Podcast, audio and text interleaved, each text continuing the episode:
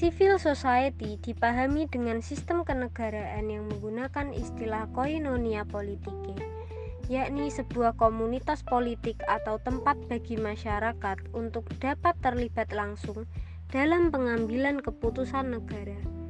Konsep civil religion atau keberagaman sipil memiliki kontribusi yang sangat besar dalam pembentukan dan pembangunan civil society di suatu negara, khususnya yang memiliki keberagaman agama seperti Indonesia.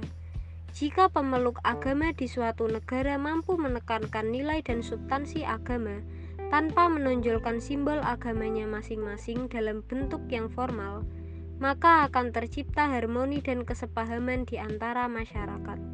Antara Pancasila dan civil religion, keduanya mensyaratkan relasi negara dan agama secara mutualistik, bukan integralistik maupun sekuler. Konsep civil religion akan bisa tegak berdiri dengan baik di Indonesia dengan Pancasila sebagai pondasinya.